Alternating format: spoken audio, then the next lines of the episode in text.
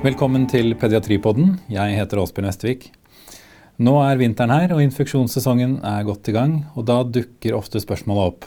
Antibiotika eller ikke? Bakterier eller virus? Du har f.eks. en to år gammel gutt på kontoret i god allmenntilstand, men febril og med et rødt øre. Og så får du kanskje litt overraskende et CRP-svar på over 200. Eller du ser en seks uker gammel jente subfebril med negative infeksjonsprøver, men litt sutrete og utilpass. Skal disse pasientene ha antibiotika? Og I dag har vi fått en ekspert på feltet, overlege Per Christian Knutsen på besøk. Velkommen. Takk for det, Asbjørn. Har du lyst til å fortelle litt om din pediatriske bakgrunn? Ja, jeg har jobbet som barnelege i vel 25 år. Stort sett hele tiden på det som heter OUS nå. Aker og på Ullevål. Og de siste 15 årene har jeg stort sett bare jobbet med infeksjoner. Og du er interessert i antibiotikabruk? Ja, veldig interessert i riktig antibiotikabruk i hvert fall. Så hva tenker du om de to pasientene jeg beskrev eh, på starten? Ja, for det første syns jeg det var veldig gode eksempler du har valgt. Det er Takk. jo eh, to veldig sånn sentrale problemstillinger eh, i pediatri. I hvert fall når, gjelder, når vi kommer til infeksjoner. Det ene er jo barnehagebarna med feber og luftveisinfeksjon. Og det andre er jo de eh, minste spedbarna med, med, feber. Og For å ta de siste først. Eh, antibiotika eller ikke, det er jo eh, i hvert fall noe en eh, spesialist bør være med å vurdere. slik at Vi er jo veldig opptatt av at eh, spedbarn under to-tre måneder med feber de bør henvises til en sykehusavdeling og bli vurdert ordentlig. Fordi det er så vanskelig å skille starten på en potensielt alvorlig bakteriell infeksjon, f.eks. en GBS-sepsis, fra en banal viral infeksjon. Eh, når det gjelder eh, barnehagebarna med luftveisinfeksjon, så vet vi at det, det stort, de aller fleste tilfellene er forårsaket av virus. Slik at er, Det er vel den gruppen hvor vi ser for, ser for oss at, vi, at, vi, kan redusere en del på unødvendig antibiotikabruk. Så CRP over 200, klart da blir det litt mer kinkig. Eh, ja, For kan det være virus når det er så høye tall? Ja, altså, Det kan det, altså. Det, vi vet at noen virus eh, gir typisk eh, ganske høy CRP. Eller kan gi det i hvert fall. F.eks. adenovirusinfeksjoner. Og så vet vi også at ved virale pneumonier med, hvor det er mye lungeinfiltrater, eh, kan vi også se høy CRP. Typisk ved f.eks. humant metapneumovirus kan ofte gi eh, veldig høye CRP-verdier. altså.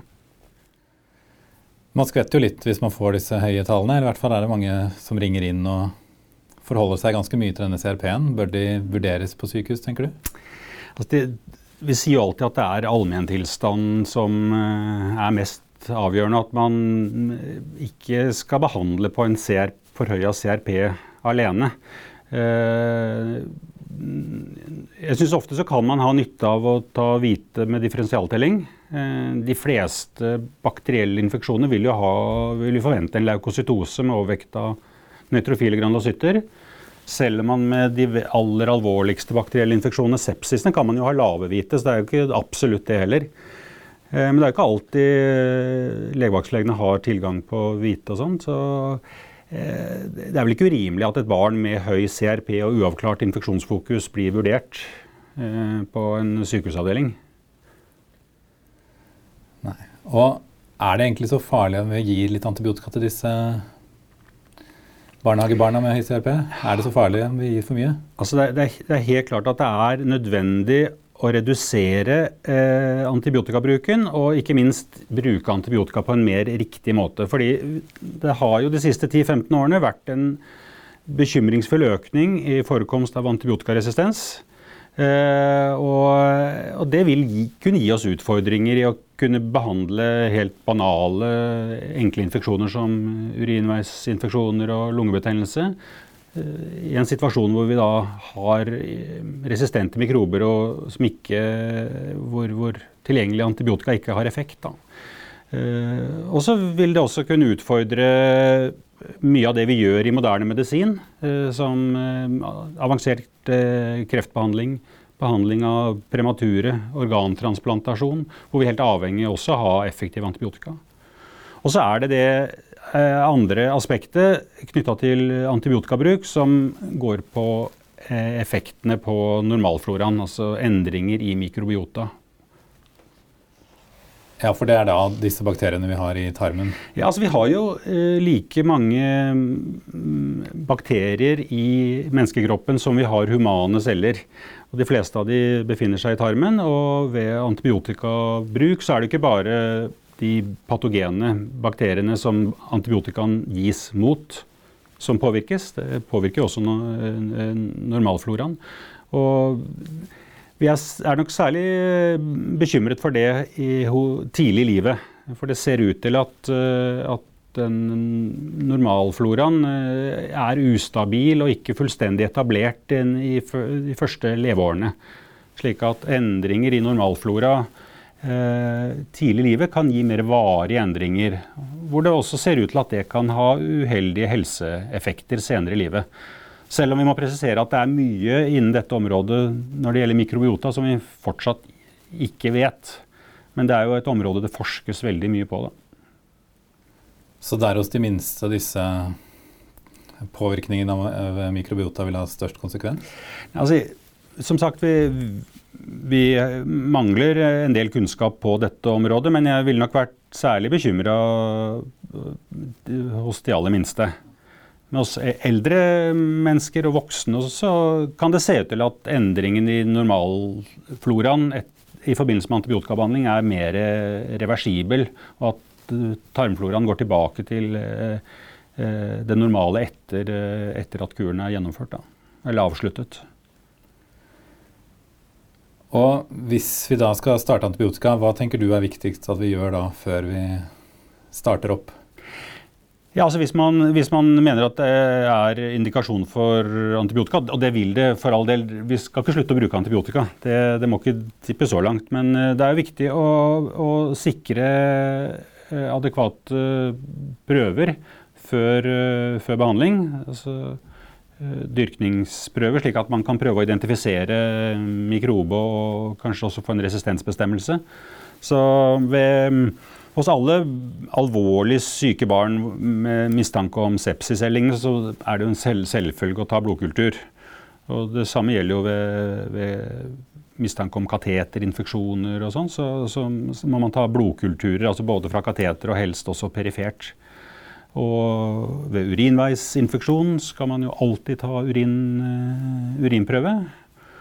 Og hvis det er mistanke om, eller man ikke helt kan utelukke meningitt, så skal man ha lav terskel for å spinalpunktere hvis barnet tåler det. Så kan det være andre situasjoner hvor det er mer omdiskutert om, om eh, blodkultur f.eks. har noen nytteverdi. Det gjelder bl.a. ved pneumoni. Og der er det vel egentlig lite eh, støtte for at man rutinemessig skal ta blodkulturer eh, før man starter behandling mot pneumoni. Det gir lite. Men hvis du da bestemte deg for at dette tror du er bakterie, da er det da riktig å behandle med antibiotika, tenker du? Ja, ikke, det, er, det, er, det, er, slett ikke slik at alle bakterielle infeksjoner trenger antibiotikabehandling. Altså, det er et, et veldig va, godt eksempel på det er jo øh, ved, ved akutt mellomørebetennelse, hvor Uh, jo, anbefalingen er veldig klar på at uh, hos barn over ett år med, som ikke har hatt mye øreinfeksjoner tidligere, og hvor det ikke er perforasjon eller bilateral uh, otitt, så, så, kan man vente eller avvente antibiotikabehandling. Og ved hud, hud, enklere hudinfeksjoner så er det ikke nødvendigvis behov for systemisk antibiotika. og Eh, milde mykoplasmainfeksjoner trenger ikke nødvendigvis antibiotikabehandling. Det er eh, Kroppen ordner eh, opp også når det gjelder bakterielle infeksjoner. Og der hvor du hadde startet en antibiotikakur Jeg har i hvert fall tidligere hørt at man skal ikke avbryte en kur, for da kan det bli mer resistens, eller man skal ikke bytte heller. Er det noe Ja, altså det, det, er, det er, nok litt omdiskutert i, blant ekspertene da, om man, dette med om man skal fullføre kur eller ikke. Det jeg, jeg føler meg ganske overbevist om, er at vi generelt behandler for lenge med antibiotika. Eh, så jeg tror at vi som eh, leger som forskriver antibiotika, bør være mer bevisste på hvor langvarige kurer vi forskriver. Og så tenker jeg at hvis, hvis, vi, hvis vi, gjør det på en skikkelig måte, så syns jeg nok at pasienten skal fullføre den, det man har blitt enige om. F.eks. ved en, en pneumoni eller en osteomyelitt eller en urinveis, febril urinveisinfeksjon, så bør de fullføre kuren. Så kan man tenke ved en, ved en, sånn, ved en luftveisinfeksjon hvor antibiotika er forskrevet på litt, kanskje litt sånn usikker indikasjon, så vil jeg vel ikke være så uh, negativ til at de kanskje slutter de, hvis de føler seg friske. Nei, for Det neste jeg lurer på da er, det står jo i veilederen, pediatriveilederen litt F.eks. på pylene fritt står det 7-14 dager. Ja. Eller på en pneumoni 7-10 dager. Mm. Eh, skal vi da legge oss på midten eller det høyeste eller det laveste? Ja, igjen så tror jeg at, uh, at vi generelt behandler for lenge, og at evidensen for de behandlingslengder eh, som er satt, ikke har vært så veldig god. Nå, nå er det gjort en del kunnskapsoppsummering på det området. og, og når det gjelder bakteriell pneumoni, så er det god evidens for at en ukomplisert samfunnservervet pneumoni ukomplisert kan behandles i, i, tre dager med peroral eh, antibiotika, da penicillin som er førstevalget her, her i Norge. Og ved mer kompliserte eh, eller, eller, mer alvorlige pneumonier, men uten komplikasjoner, så er, er det et sjelden behov for å behandle mer enn syv dager. Og når det gjelder urinveisinfeksjoner, så tror jeg også at vi behandler for lenge. Det gjennomføres en randomisert studie i USA nå som heter Scout-studien, hvor de sammenligner ti dager effektiv behandling, eh, altså med antibiotika, mot fem dager effektiv pluss fem dager placebo. Og Der forventer vi resultater i løpet av 2020. Og um, eh, Forhåpentligvis så kan det føre til at vi kan korte ned på behandlingstiden med febril UVI. Det blir jo veldig spennende å se hva ja, det det. de konkluderer med. Ja. Og hvis de kommer inn dårlig, så starter vi ofte intravenøs antibiotika. Mm. Eh, fungerer det bedre enn per oss? Ja, altså eh, eh, Det var avhengig litt av, eh, av infeksjonens alvorlighetsgrad og litt hvilke hvor den sitter og hvilke antibiotika du trenger å bruke. Det har jo å gjøre med sånn biotilgjengelighet og penetrasjon til vev og sånn. Så ved, de, ved, alvorlige infeksjoner så vil man jo øh, velge intravenøs behandling for å sikre høye nok konsentrasjoner og også eh, eventuelt lang nok eh, tid med høy nok konsentrasjon. Da. Men eh, pneumonier f.eks., der, der er det veldig god evidens for at det kan behandles med peroral penicillin. Men ville man da kunne tenke at man kunne behandlet kortere hvis man hadde gitt hele kuren som intravenøs? Det vet jeg egentlig ikke. Om, eh, om det er gjort noen gode studier eh, på. Eh, erfaringen vår med f.eks. febril UVI-er er jo at vi, man, vi starter jo vår empiriske behandling med ampicillin og gentamycin. og de, eh, I en del tilfeller så har vi ikke hatt gode perorale alternativer, som jo er, er en, en, utfordring i pediatrien med antibiotikamiksturer. Og hvor man noen ganger da rett og slett har sagt at tre dager med gentamycin, hvis mikroben har vært, vært følsom for det, er, kanskje er nok. Men eh, det, det, er det ikke evidens for. Men erfaringen tilsier at det kanskje kan være riktig. Ja, for det er også det du akkurat nevnte nå, med at det er ikke så mange miksturer kanskje som er tilgjengelige for barn. Som, man må jo få i dem medisinen også. Mm. Um, hvor tungt veier det å få det i dem, kontra hvilket antibiotika man velger? Nei, altså Hvis man skal, hvis man skal uh, gi riktig antibiotikabehandling og unngå disse uønskede effektene knytta til både resistensutvikling og, og effekter på tarmfloraen, så, så, har det mye å si hvilket middel man velger. og At man ikke da velger bredere midler med uønskede økologiske effekter kun på bakgrunn av smak.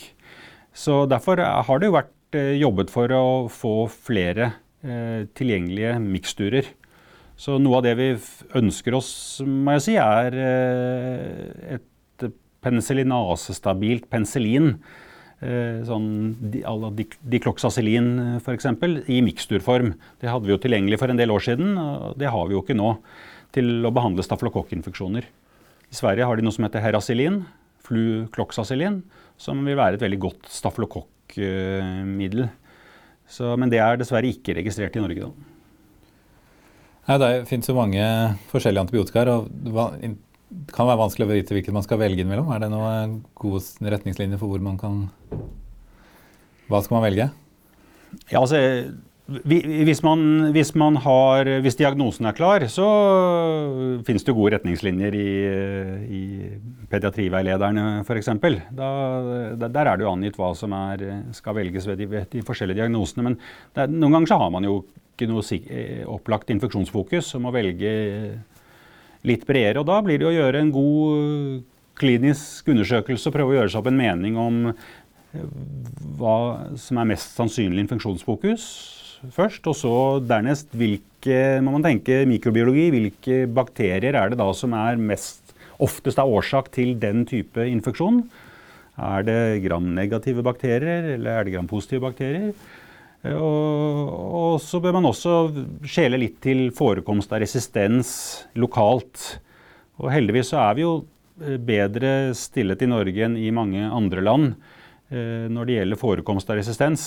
Slik at vi kan velge helt andre midler her enn, enn i andre, andre, land i Europa. Vi hadde en student fra eh, Argentina som var innom i forrige uke. og Han var sjokkert over at en pasient med pneumoni ble satt på penicillin.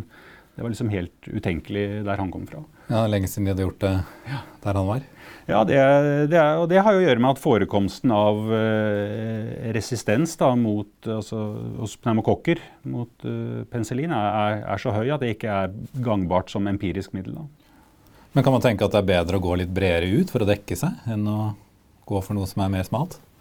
Altså, eh, hos alvorlig syke pasienter så må man, må man selvfølgelig starte bredt.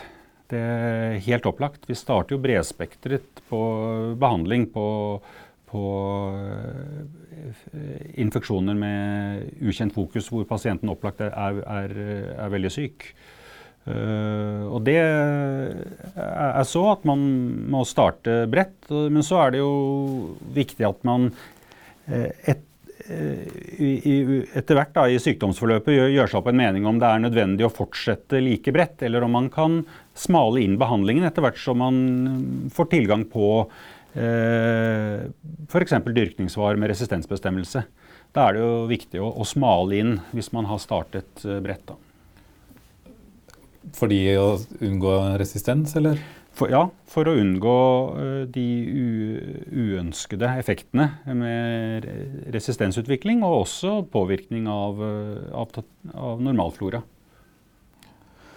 Og hva tror du i framtiden kan uh, kan vi snu denne resistenstrenden? Kan vi bruke penicillin igjen, eller blir det sånn du på sikt, ja, sånn som i Argentina? Bruke, ja, heldigvis så kan vi bruke penicillin eh, fortsatt. Eh, det er førstevalget ved de fleste øvre luftveisinfeksjoner og ved pneumoni. Eh, så har vi jo eh, altså Det er jo en eh, Myndighetenes handlingsplan mot antibiotikaresistens har jo som mål å redusere forbruket av eh, systemisk antibiotika med 30% fra 2012 til 2020 i, primærhelsetjenesten. Og det målet er jo nå det er nådd for barnepopulasjonen, og er, man vil nå det også for voksenpopulasjonen.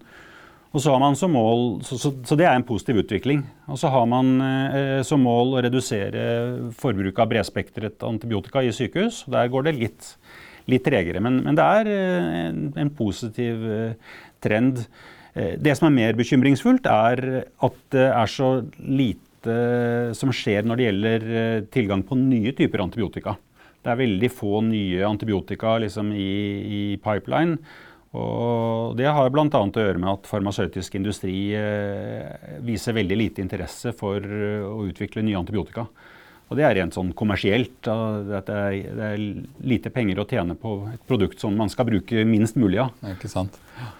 Ser vi noe lignende trend i andre land enn Norge? At man klarer å Ja, absolutt. Ja, da, det, eh, I England f.eks. så de, har de tidligere hatt en veldig høy forekomst av MRSA blant staflokokker. Men eh, der ble det satt inn eh, tiltak, og man har sett en reduksjon. Så det er, det er mulig å snu den trenden. Og det er heldigvis økt bevissthet både hos myndigheter og helsepersonell, og også i befolkningen, på at man skal unngå unødvendig antibiotika. Kjempebra. Takk for mange gode råd, Per Christian. Dette er jo et bredt tema. Klarer du til slutt å smalne inn til tre take home messages? Ja velg, ja, velg så smalt som mulig. Eller eh, selvfølgelig all, først uh, gjøres opp en mening om om det er, er nødvendig å forskrive antibiotika. Og, det, og så tenker jeg at uh, der det kanskje er uh, aller mest å hente, det er på behandlingslengde. At man er mer bevisst på å ikke, eh, ikke behandle lenger enn nødvendig. Og at man smaler inn, hvis man har startet bredt, at man smaler inn behandlingen når det foreligger eh, eh dyrkningssvar med resistensbestemmelse som, som tilsier det. Da. Tusen takk for at du kunne komme. Det var veldig hyggelig å være her. Og takk for alle som har hørt på også. Eh, da minner jeg om at kan, dere kan laste ned Pediatripodden fra Podbean hvis dere ikke har gjort det allerede. Og dere kan finne oss på Facebook på siden Pediatripodden. Og spørsmål enten om antibiotika eller andre ting kan dere sende til pediatripodden at os-hf.no. Jeg heter Åsbjørn Estvik, og vi sees og høres. Takk for nå.